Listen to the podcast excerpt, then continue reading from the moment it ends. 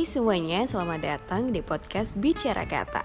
Nah, di episode kali ini Shiva akan ngebahas tentang bagaimana sih caranya kita tenang menghadapi tesis atau skripsi atau ujian yang kita hadapin ketika kita berada di akhir jenjang perkuliahan kita pastinya kita tuh kadang di tahap-tahap seperti itu di fase-fase seperti itu kita tuh pasti sering banget ngalamin yang namanya stres males yang berlebihan. Terus abis itu nggak ada progres akhirnya stuck dan gak ngapa-ngapain dan berujung pada lulusnya telat Nauzubillahimindzalik. Semoga kita nggak seperti itu ya guys. Jadi saya punya tips-tips nih Berdasarkan pengalaman yang Siva alamin sebelumnya.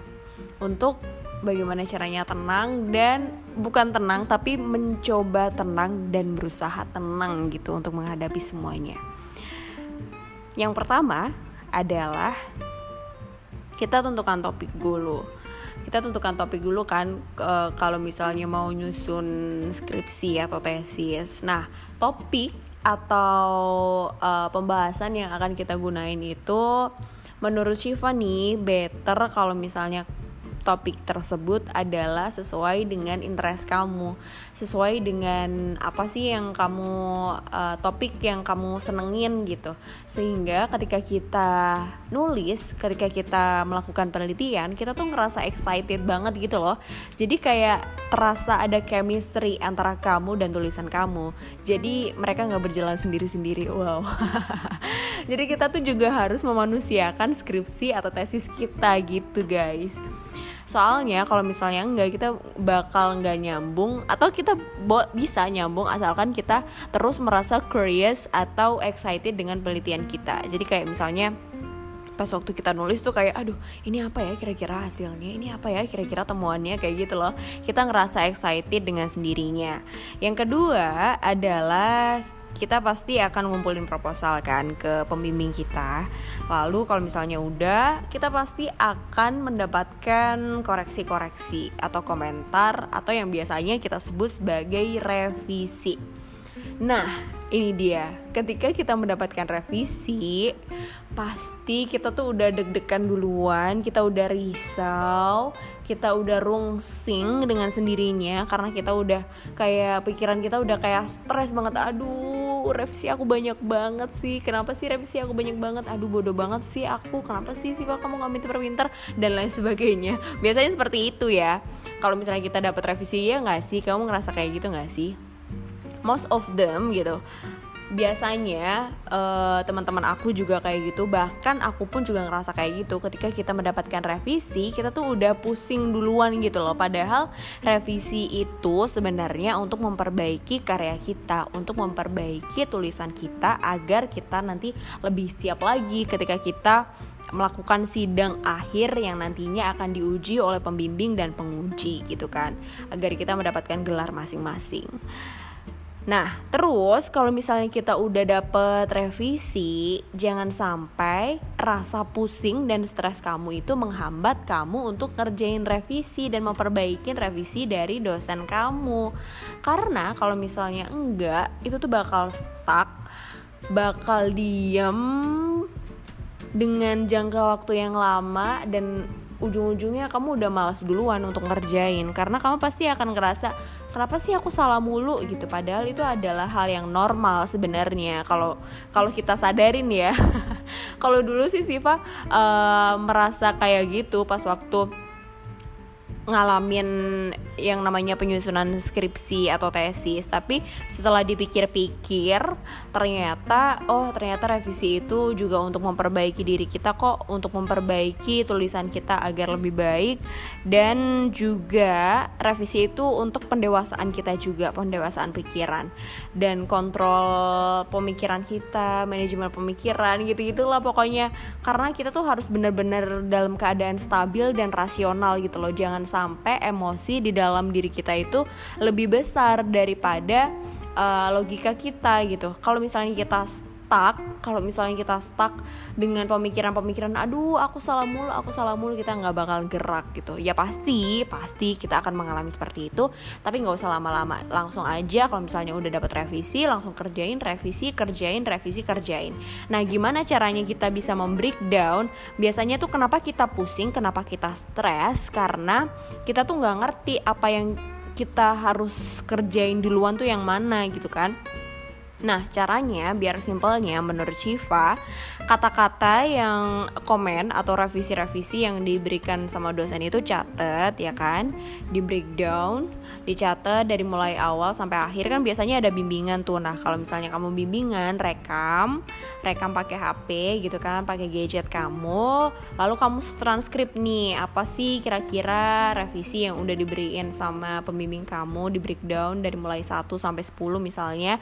Nah, nah nanti kamu langsung centang-centangin aja poin-poin tersebut. Oh ini udah dikerjain oh ini udah dikerjain oh ini udah dikerjain. Nah jangan lupa juga kamu itu harus uh, membuat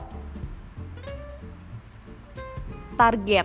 Jadi kayak target selesai revisi kapan gitu. Kalau misalnya kamu memberikan jangka waktu untuk perbaikan itu berapa hari? Satu minggu dua minggu atau dua hari lima hari kayak gitu gitulah jadi kamu otomatis kalau misalnya kita udah punya target untuk menyelesaikan kita lebih lebih apa ya kita lebih on time gitu loh. Dan kita tuh progresnya itu berjalan dengan baik gitu.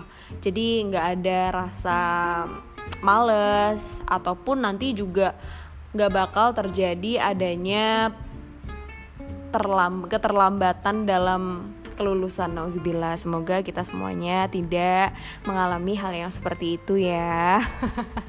Karena serem banget ya karena serem banget. Ya meskipun kita pokoknya kita usaha aja. Kita usaha aja semaksimal mungkin. Kita kerjain salah nggak apa-apa. Kalau misalnya revisi kerjain lagi revisi kerjain lagi revisi kerjain lagi sampai benar-benar betul dan kita siap untuk sidang. Seperti itu Nah, terus kalau misalnya banyak sih yang nanya gimana sih caranya kita untuk membunuh rasa kemalasan atau uh, mager lalu udah stres duluan? Ya caranya seperti itu. Kita berusaha untuk menenangkan diri kita harus berpikir secara rasional. Kalau misalnya gue males terus ya kapan selesainya gitu kan? Kapan lulusnya? Kalau misalnya aku nurutin uh, ego aku untuk tetap males-malesan dan gak nyelesain ini ya udah kamu akan bikin kecewa sama orang-orang tersayang kamu yang udah ngebiayain kamu misalnya yang udah memberikan effort yang lebih untuk kuliah kamu dan lain sebagainya. Kayak gitu sih lebih mikir kayak gitu.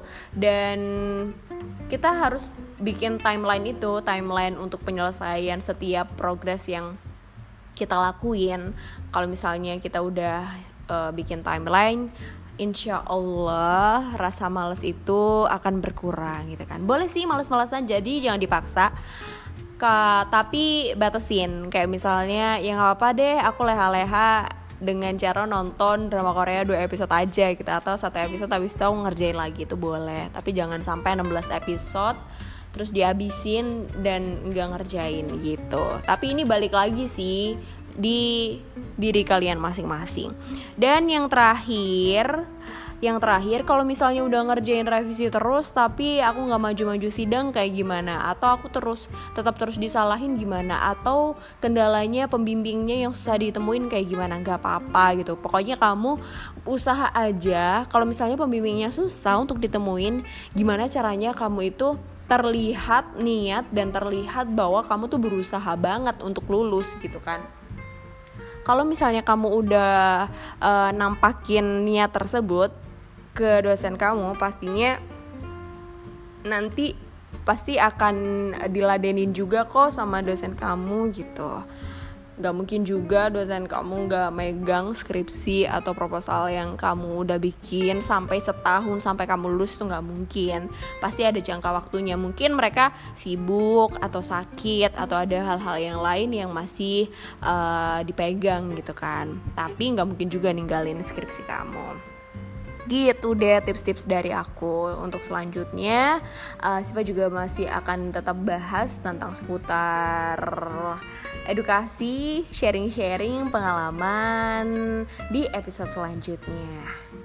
Sampai jumpa